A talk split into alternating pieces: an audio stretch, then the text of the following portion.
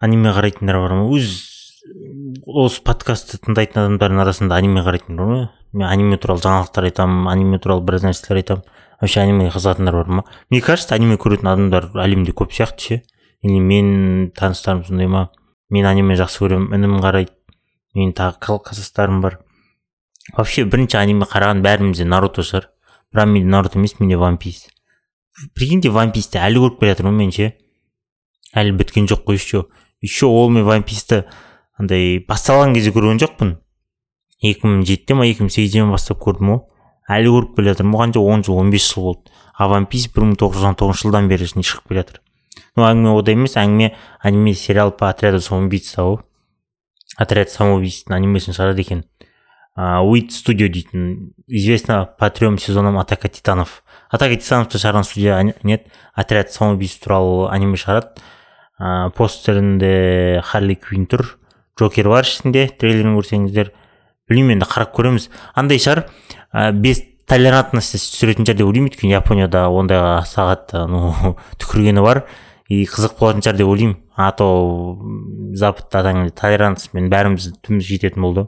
Еще ыыы чужойдың жаңа фильмнің съемкасы бітіпті.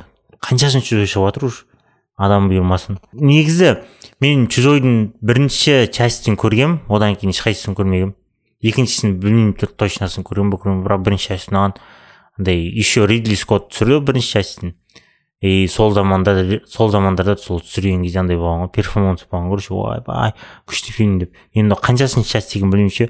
Чужой и хищник бар емес и терминатор ше осы үшеуі ше. Қанша түсіреді вообще шлак қой шлак шлак шлак быц быц быц ше біреуі нормально түсірмеген шығар или мен көрмедім просто может содан шығар еще индонезияда бар па ыыы макдональдс кейтеринг андай жасайтын болыпты короче заказ бересіздер сіздерге әкеледі короче. Нетін еді мыңға жуық жүзге жуық наггетс наггетс әкеледі бургер. Не свадьбаңызға или мейрамыңызға ә, или не елу жылдығыңызға дегендей ше бізде қазақстанда бар ма екен сөйтіп әкелетін не фастфудтар. Ыыы мысалы бір жерге заказ бересің не жүз гамбургер келеді заказ бересің қазақта той деген күшті болады ғой. Үш жүз қонақ келе ма? Үш жүз наггетс үш жүз бір наггетс жемейді ғой қонақ. Үш жүз гамбургер үш мың наггетс деп ше? Сөйтіп әкелетіндер бар ма екен да? Қарап көру керек. Ну короче зумерлар андай болады қуанышты болады бұл жаңалыққа. Біз білмейміз енді. Бірақ ну қызық сияқты. Еще ә, яндекс браузерына яндекс gpd дейтін бар ғой ә, чат gptдің клоны яндекс шығарған сол браузер арқылы кіретін кіретін болсаңыздар бір статьяны белгілеп соған краткий пересказ десеңіз яндекс gpd сізге краткий пересказын жасап береді. Пайдаланыңыздар жақсы нәрсе сияқты ғой ә, жаңағыда твиттер алдында андай еді. Егер сенде учетный запись болмаса короче твиттерге кіріп ештеңе оқи алмайтын ештеңе көре алмайтын зарегистрация тұру керек едің да. Енді твиттер внезапно қайтадан ашып жіберіпті сен регистрацияға тұрмасаң да короче жаңалықтар оқи бересің. Неден деп ойлайсыздар? Оны қазір сәлден кейін айтамын ыыы еще ыыы твит нет триц дейтін ғой короче жаңалық сол трицте ғой марк цукерберг короче твиттердің клонын конкурентін ашты да. И соған байланысты жаңа қалай айтсам болады ә, твиттер жаңағылай ашып сондай болып жатқан уже жайлап қозғалып жатыр уже конкурент пайда болғаннан кейін ба ше и андай бәр барлықтарыңыз кірген шығарсыздар барлықтарыңыз көрген шығарсыздар инстаграмда инстаграмда ана тик токта ғана отырып қалған адамдарға ол ыңғайсыз болып көрінуі мүмкін. Бірақ маған твиттер ұнайды. Мен үшін ең ең лучший социальный сеть болып табылады. И мен маған текстовый нәрселер ұнайды. Оқыған ұнайды чем видео көргеннен гөрі. И твиттерде мен көп жақсы нәрселерді мысалы жақсы статьяларды оқимын. И тристе сондай болатын шығар деп ойлаймын ыыы жалпы жаңа твиттердің қозғалғаны не регистрацияға тұрмаған аккаунттардың қайтадан твиттердің жаңалықтарын тексттарын көре беру осы тридцатьке байланысты конкурент пайда болды. Не керек енді? Ыыы тридцать короче қанша? Уже жетпіс миллион андай адам жинап тастаған. Прикинь жетпіс миллион адам жинап тастаған. Ашылғанына қанша күн болды? Айтайын саған ашылғанына екі күн болды. Екі күнде жетпіс миллион адам база жоқ. Ну в основном оның арқасында инстаграм арқасында өйткені ол инстаграммен тығыз связьда егер сенде инстаграм аккаунт болса сен тридцатьке кірсең сразу зарегистрирован болып кіресің и сенің бүкіл информацияң бүкіл профилің бәрі соған сол жерден шығады. Бірақ бір минус бар егер сен тридцать удалить ете алмайсың егер тридцать удалить ететін болсаң инстаграм аккаунтың өшіп кетеді инстаграм аккаунт өшіретін болсаң тридцать өшіп кетеді. Короче ол андай қылып жатыр ғой дополнение қылып жатыр ғой и сол дополнениенің арқасында короче марк цукербергтің басы дейді сол дополненің арқасында короче екі есе рекламодательдер рекламодательдерден ақша таппақсы вот осылай не бизнес істеу керек қой. Еще твиттер сотқа берді ә, метаны. Что бізді андай қылып жатыр көшіріп жатыр еще ә, біздің инженерлерді разработчиктерді өзіне алып алған солар типа солардың білімін твиттерде істеген нәрселерін тупо сол тридцатьте жасап жатыр деген сияқты ше. А марк цукерберг короче оны андай деп жатыр жоқ ондай емес. Өтірік соқпаңдар деген сияқты әңгімелер айтып жатыр білмеймін енді көреміз. Бірақ мен де отырмын. Не тридцатьте. Енді көреміз енді қалай не болатынын. Бірақ вообще ыыы қалай айтсам болады?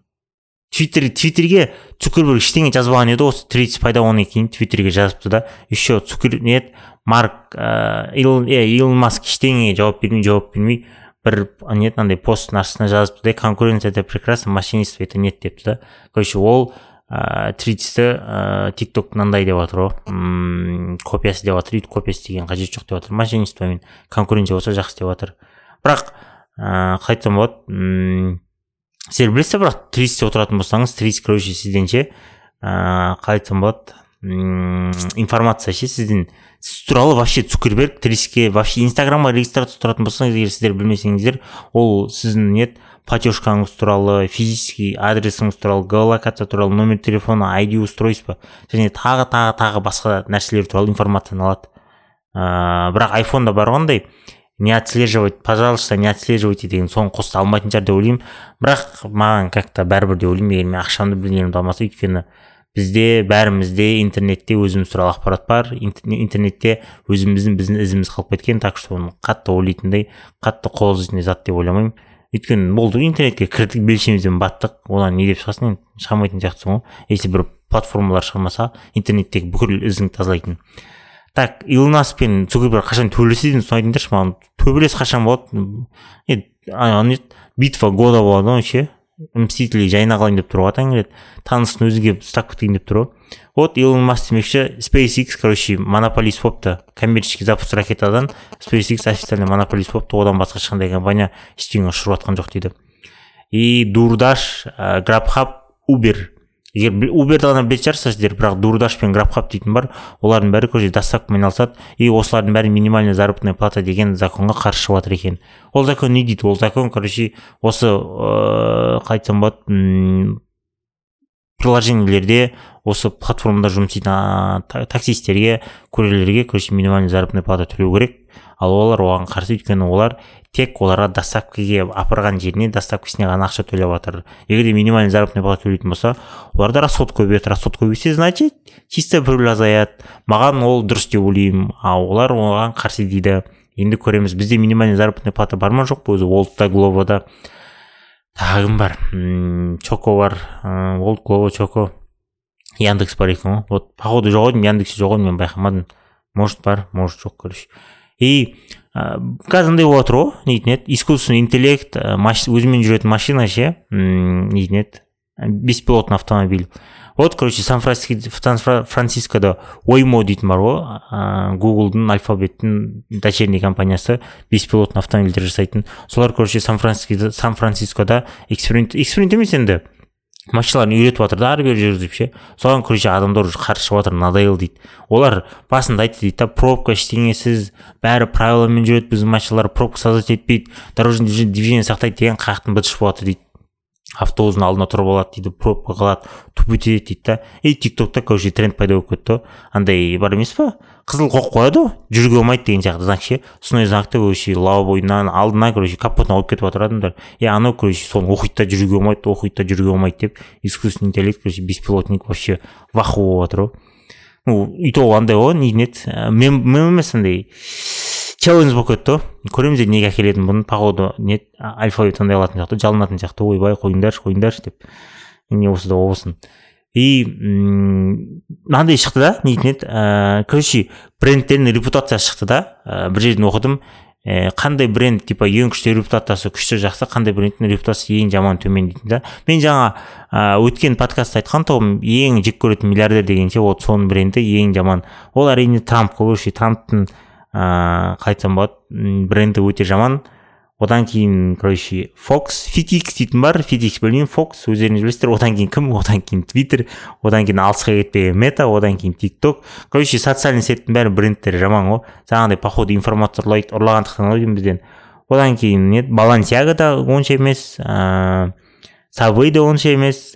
Ыыы шейн дейтін бар. Ыыы не китайский не платформа киім сататын онікі де так себе короче. Ал ең күшті кімде деп ойлайсыздар? Ең күшті. Ең күшті кімде? Ең күшті короче мен танымайтын бір компанияда Пата, патагония дейтін. Кім білетіндеріңіз бар ма? Мен оны танымайды екенмін. Одан кейін коско білем. Коско ыыы супермаркет қой. Гипермаркет продукция сататын джон дир дейтін білмеймін. Трейдер джойс білмеймін. Чикен филе дейтін короче американский компания. Фастфуд қой. Одан кейін тойота самсунг ебай амазон амазон короче амазонда сексен самсунгда сексен бір тойотада сексен бір чикен филеде сексен бір косткада сексен екі а вот да сексен apple қалып кеткен. Honda sony microsoft subaru american express lg nike hp adidas procter gamble крогер крафт хейнс ibm jp morgan ford google. Google деген алфавит емес па негізі потом capital one дейді pepsi netflix paypal fedex t-mobile coca cola pfizer nestle дочи габана таргет dell volkswagen и болды ары қарай короче дельта чипотли дей ма вот солардың бәрі короче так себе брендтер. Тағы қандай жаңалық. Таңғы соңғы жаңалық короче индиана джонсқа бардыңыздар ма бармадыңыздар ма? Короче индиана джонсқа бармадым мен.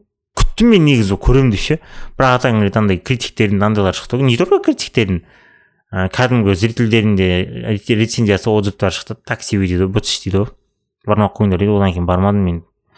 Басқа оппенгеймерді күтіп жүрген енді. Құдай қаласа оппенгеймерге баратын шығармын деп жатыр кристофер ноланға. Бірақ кристофер нолан соңғы фильмдері көңілді қалдырды.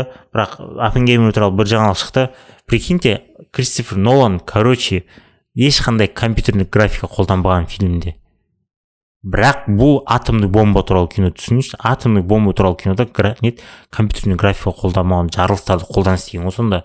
Емай база жоқ дегенсің ғой. Білмеймін мен жарылыстарын қалай көрсетіп бөрінің бәрі операторский рота болып тұр ғой. Но бірақ көреміз енді.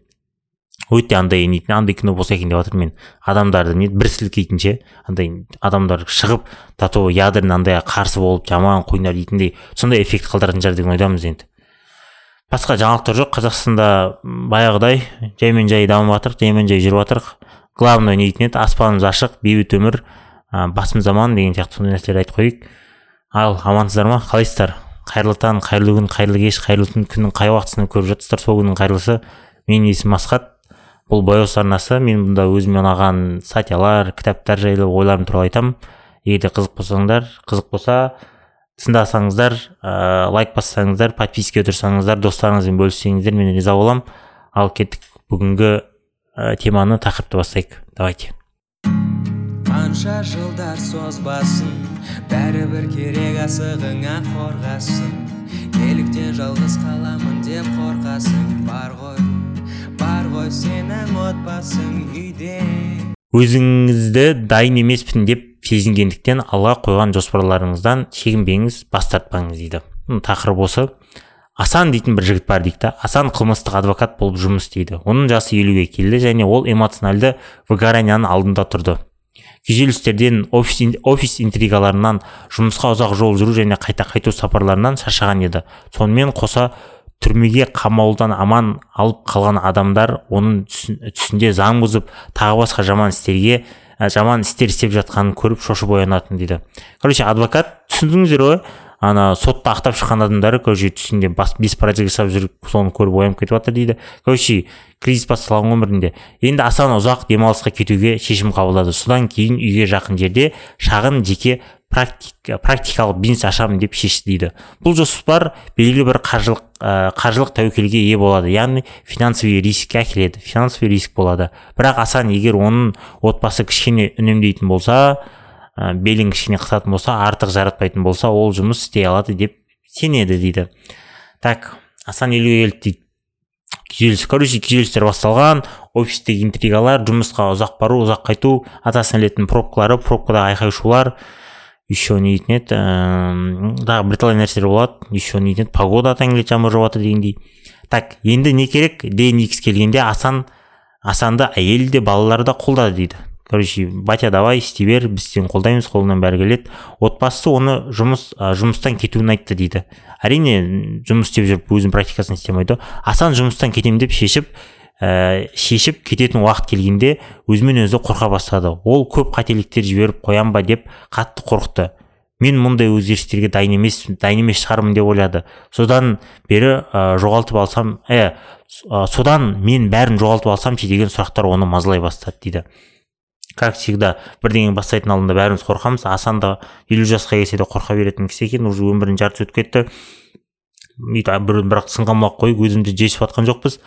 Асан үлкен өзгерістер ә, қарсаңында немесе тіпті жаңа жаңа және ерекше нәрсені бастаған кезде де көпшілігімізге тән қателіктерден зардап шегіп қорқа бастады дейді. Ол өзі сезінген ыңғайсыздық сезімін ә, сезімін ә, сезіммен дайын емеспін деген оймен шешті дейді. А ол өзі сезінген ыңғайсыздық сезімін мен дайын емеспін деген оймен шешті дейді. Мен дайын болмағандықтан өзімді ыңғайсыз сезініп тұрмын деді. Яғни оның ойында пайда болған сезіп жатқан сезімдердің барлығы ол өзін дайын емеспін деген нәрседен пайда болып жатыр деп ойлады. Тамыры корень проблема сол жатыр деп ойлаған. Әңгіме не туралы болса да бәрібір дейді. Біз үйлену туралы ұсыныс жасаймыз ба? Жаңа жұмыс бастаймыз ба? Балалы ә, боламыз ба? Бала туамыз ба деп шешеміз ба әлде біреуге өз ә, не ішіміздегі тұрып қалған заттарымызды айтамыз ба дегенде біз қандай да бір себептермен оған дейін оған оған дайын екенімізді сезінеміз. Біздің ә, біздің қолдан бәрі келетіндей көңіл күй керемет ешқандай қателіктер болмайды деп күмән де болмайды деген оймен жүреміз дейді. Яғни жаңағы сөздерді айтатын кезде жаңағы сондай үйленемін деген кезде жұмысқа тұрамын деген кезде өзің уверенный боласың басында деп жатыр да мұның орнына біз қатты ыңғайсыздықты сезінгенде біз оны мұндай қадамға шынымен дайын емес екендігіміздің белгісі ретінде қабылдаймыз дейді. Ә, егер сіз бұл сезімге бой алдырсаңыз оның салдары сіз үшін жаман болуы мүмкін. Өйткені адамдар өмір сүрген өміріне қарап әдетте не істегендеріне емес не істеуге батыл ә, не істеуге батылы бармағаннан өкінетінін бәріміз білеміз дейді. Так жаңағыда айтып жатыр ғой басында уверенный боласың короче. Давайте осындай істейік дейсің да бір бір екі күн ғой сол зарядың бір екі күнге жетеді бір екі күнде уверенный боласың. Давай істеп тастайық бүйтіп тастайық андай қылайық дейсің да. И істей енді басталып жатқан кезде короче ойлар пайда болады неше түрлі не андай сомнениялар басыңды жеп миыңды жеп андай ше. Неше түрлі жаман ойлар келіп сөйтіп істей алмаймын ба мен мынандай болса не болады мынандай болса не болады деген сияқты. Вот сондай ойларға көп берілмеңіз деп жатыр мына жерде. Енді шындығында үлкен проблемаға немесе айтарлықтай өзгеріске тап болған кезде мазасыздық сезімін сезіну табиғи нәрсе. Ол бәрімізде болады. Сіз оны жеңе аласыз ба және дұрыс істеп жатырсыз ба деп ойлау қалыпты жағдай және бұл ойлардан бас тартуға болмайды. Бірақ егер сіз оларға мойын ұсынсаңыз онда сіз өзіңізге лайық емес керек емес нәрсеге келісе аласыз дейді. Керек емес нәрселермен келісесіз. Бірақ егер сіз мұндай жағдайда белгілі бір алаңдаушылық пен шиеленістің сөзсіз екенін және ақыл мен сезімді жауынгерлік дайындықта ұстап тұру үшін қажет екенін бірден мойындасаңыз ә, біз өз мүмкіндігімізді пайдаланып ә, болып жатқанын бәріне ақылға қонымды және тиімді жауап бере аламыз. Біз өз мүмкіндігімізді пайдаланып болып жатқанын бәрін ақылға қонымды және тиімді жауап бере аламыз дейді. Ақылға қонымды және тиімді жауап бере аламыз. Шынайы өмірде кинода ә, кинодан айырмашылығы тіпті кейіпкерлер де әлемді құтқармас бұрын напряжениені сезінеді дейді. Әлемге әйгілі спортшылар мен актерлердің қойылым алдында өз, өзі өз мойындауы бойынша іші қорқыныштан ауыра бастайды дейді. Бірақ олар бұған үйреніп қана қоймай жүйке энергиясын мотивация мен тиімді әрекетке айналдыруды үйренді дейді. Так ә, біздің бәрімізде ондай болатын ол табиғи нәрсе. Онсыз да бәрімізде болады. Оған қатты берілмеу керек. Оны жеңе білу керек деп жатыр ә, мысалы айтып жатыр жаңағы не кинодағы түсетін актерлар да супергеройлар да. Прикинь супергерой дегенде человек паук. Әр андай алған сайын ба? Бірақ мысалы если мен человек паук болсам мысалы нью йоркта жүрік дейді да жаңағыдай осьминог бірдеңелерді бүлдіріп жатыр дейді да. Мысалы сен сол жаққа баратсың құтқаруға. Ойыңда болады. Ғой мен бүгін тірі қайтпайтын шығармын дегенше или бүгін костюммен киіп жатқан кезде ой болатын шығар. Если бүгін өліп кетсем дейтін сияқты иә. По любому болады ғой сен неге типа ойнау үшін бара жатқан жоқсың типа ұтылып қалсаң. Тоқсандай басынан контрольный шығудан бастаймыз басынан істейміз стоп камера снята демейді ғой шын өмірде болатын болса ше. Вот олар да сондай нәрсені жеңеді деп жатыр да и бізде де сондай болады деп жатыр. Ну айтып отыр енді. Бұның бәрін ақылға салып қонымды нәрсе деп ойланып дұрыс істейтін болсақ біз оны жеңеміз деп жатыр. Да главное оған мойынсұнып жаңағыдай нетін ол сомнениелерге ол қорқыныштарға андай қорқыныштарды сізді басып алмау керек деп жатыр ғой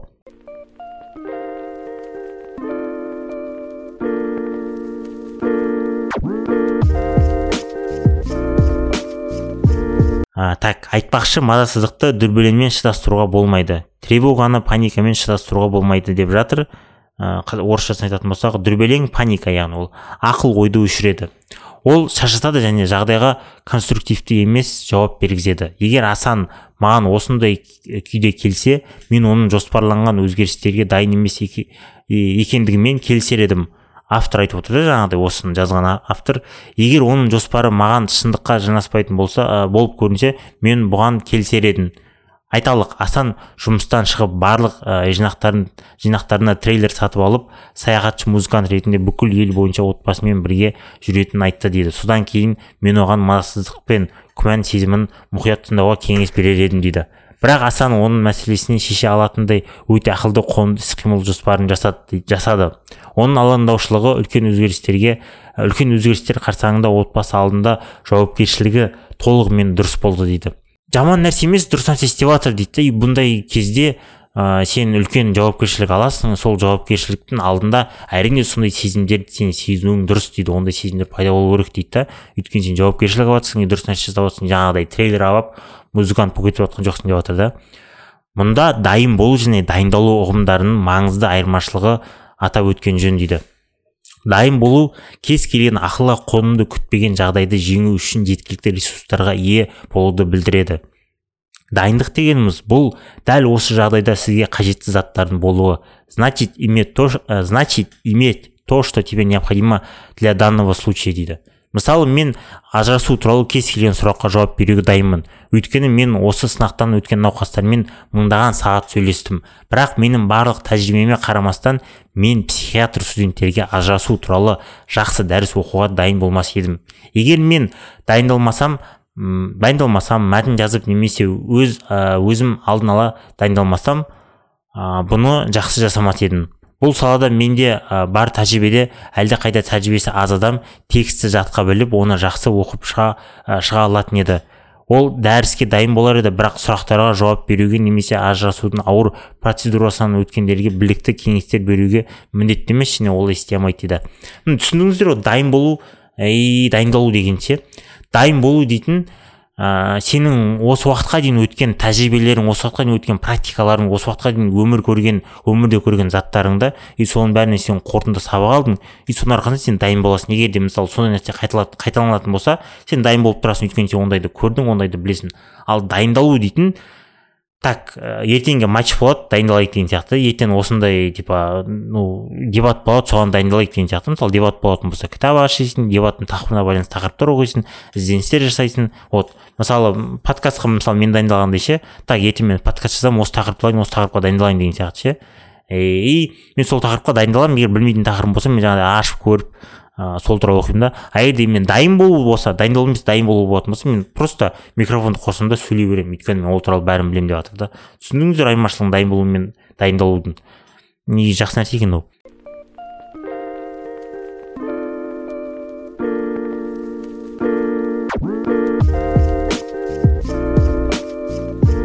Егер сіз қандай да бір бастамаға дайын бастамаға дейін мазасыздық пен қорқынышты сезінсеңіз бұл сіздің толық дайын емес екеніңізді емес жартылай дайын емес екеніңізді білдіреді. Содан кейін мұқият дайындықпен сіз мазасыздықты азайта аласыз дегенмен сіз барлық күмән мен уайымнан арыласыз деп үміттенбеңіз. Мұндай шындыққа жанаспайтын көзқарас мен нөлдік тәуекел қатесі деп атайтын нәрсеге әкеледі деген ойдамын.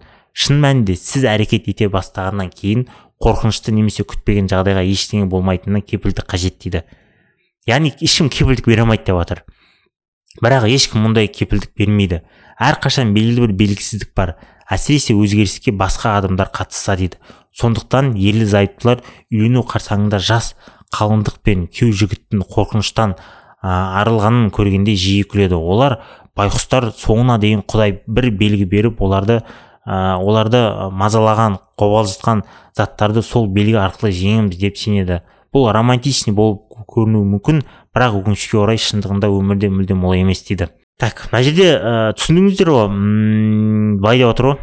Бәріне дайын болмайсың деп жатыр сен қалай айтсам болады толық дайын емес ә, немесе жартылай мысалы егер де сіз қандай да бір бастамаға дейін мазасыздық қорқыныш сезінсеңіз бұл сіздің толық емес яғни жартылай жартылай дайын емес екеніңізді көрсетеді.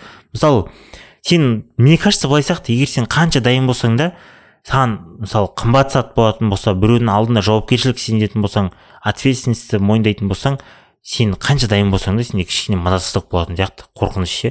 Өйткені сен үлкен мойныңа жүк алып жатрсың жауапкершілік алып жатрсың біреулердің алдында жауап бересің дегендей ше. А если сен ешкім алдында жауап бермейтін болсаң саған бәрібір болатын болсаң ну былай айтқанда түкіріп қол қойдым дейтін нәрсе дейтін болсам мне кажется мазасыздық қорқыныш дейтін болмайтын сияқты. Так что бұл жерде кішкене айырмашылық бар сияқты. И егер де сен өзіңе қажет өзіңе қатты жақсы көретін адамдарға бірдеңе жасап жатсаң әрине сен мазасыздық пен қорқыныш болады. Если сен прям бір нетін еді опытный ше прям опыт деген қырғын біреу болмасаң а былай по любому мазасыздық қорқыныш болады. Бірақ ол жаман деген сөз емес ол сіздің жартылай типа қалай айтсам болады ә, дайындығыңыз жартылай дегенді білдіреді. Толық дайын емессің деген сөз емес дейді да. И кішкене дайындалып іске кіріскен жөн деп ойлаймын енді. Міндет үлкен өзгерістердің үлкен өзгерістерден туындаған ыңғайсыздықты толығымен жою емес. Бірақ сіз оларға дайын екеніңізді түсіну қолдан келгенше қаншалықты дайын бола аласыз соншалықты дайын болу дейді. Егер сіз ыңғайлы керемет мүмкіндікті жағдайды күтсеңіз онда сіз өте ұзақ күтесіз және бүкіл өмір осылай өтуі мүмкін дейді. Вот. Негізі бір бизнес бастаған кезде бір іс бастаған кезде бәріміз сондай ғой андай күшті моментті күтеміз ғой. Типа ақша жинап алайын мынаны бітіріп алайын мынаны бүйтіп алайын мынаны созып алайын мынаған жетіп алайын мынаны оқып алайын мынаны біліп алайын дейді да. И сондай типа соны біліп алса соны оқып алса соған жетіп алса соған барып алса ол дайынмын деп ойлайды. Оказывается сен по любому дайын болмайсың ғой. Жартылай дайын боласың или там алпыс жетпіс пайыз дайын боласың толығымен дайын болмайсың да. И так что бүкіл жерлер айтады ғой подходящий момент сейчас деген сияқты саған керекті мүмкіндік дәл қазір дәл қазір дейді да дәл қазір бастап кет дейді да. Вот рас рас дұрыс нәрсе деп ойлаймын. Жалпы м енді қорытындылайық қазір пайдалы білім дейді. Үлкен өзгерістер алдында қобалжығаныңыз сіз оларға дайын емес екеніңізді білдірмейді дейді. Сіз оларға жартылай дайын емес екеніңізді білдіреді дейді. Әрекеттер егер сіз өзіңізді дайын сезінбегендіктен өз жоспарыңызды жүзеге асырудан бас тартқыңыз келсе кішкене пауза алыңыз дейді. Яғни кішкене пауза алып ойланып далаға шығып темекі шегетін болсаң темекіңді шегіп сушнягыңды ішіп серуендеп кино көріп или там бірдеңе миды андай қылып кішкене неден босатып. Неліктен бұлай ойланатыныңызды өзіңізден сұраңыз. Себептер себептер тізімін жасаңыз дейді. Ол екінші үшінші өзіңізді дайын сезіну үшін не істеу керектігі не істеу керектігін өзіңізден сұраңыз дейді. А жаңағыдай мысалы сен жартылай дайын боласың ба толығымен дайын болу үшін не істеу керекпін бірақ жаңағыдай болды бұл жерде егер сен сұрайтын болсаң толығымен дайын болу не істеу керекпін сен кете беретін сияқтысың ғой.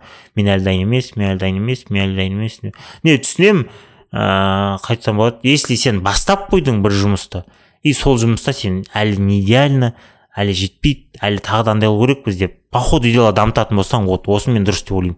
Ал сен басталмай жатып дамыта берсең дамыта берсең дамыта берсең бастамасаң оны ешкімге көрсете алмайсың да ешкім оны көрмейді да так үшінші төртінші. Осы талаптарды орындау ықтималдылығы вероятности дейді яғни. Вероятность жайлы ойланыңыз дейді. Осы талаптарды орындау ықтималдылығы жайлы ойланыңыз. Мұны жүзеге асыру үшін не істеу керек? Бұл уақыт пен күш жұмсауға тұрарлық па дейді. Тағы да ойға салыңыз деп жатыр ғой. Ә, және өзгеріске қаншасыншы сол бесінші? Өзгеріске дайын екеніңізді өзіңізден сұраңыз. Бұл сұраққа объективті жауап беру үшін тәжірибесі бар адамдардан мұндай дайындыққа не қажет болғанын сұраңыз дейді. Мынау да дұрыс нәрсе негізі сол сферада жүретін адамдардан сұрау керек. Дұрыс па дұрыс емес па қалай деген сияқты. Вообще бұл мысалы оқуға байланысты. Мысалы мен достарым бар стоматолог. Солар айтады да маған дейтін еді чем стоматология түсе салғаннан гөрі дейді да лучше бір стоматолог таныс тауып таныс болмаса дейді да. Таныс болмаса қиын бірақ по любому таныс табылады ғой дейді да. Таныс тауып клиникасына барып жүр дейді да қара дейді көр дейді. Егер практика берсе практикасын жаса емдеуге қатыс дейді да. Если соның бәрі саған ұнаса бір жарты айдың көлемінде или там белгілі уақыт арасында онда түсе бер дейді егер ұнамаса онда қажеті жоқ деп жатыр бұл да тура осындай ғой.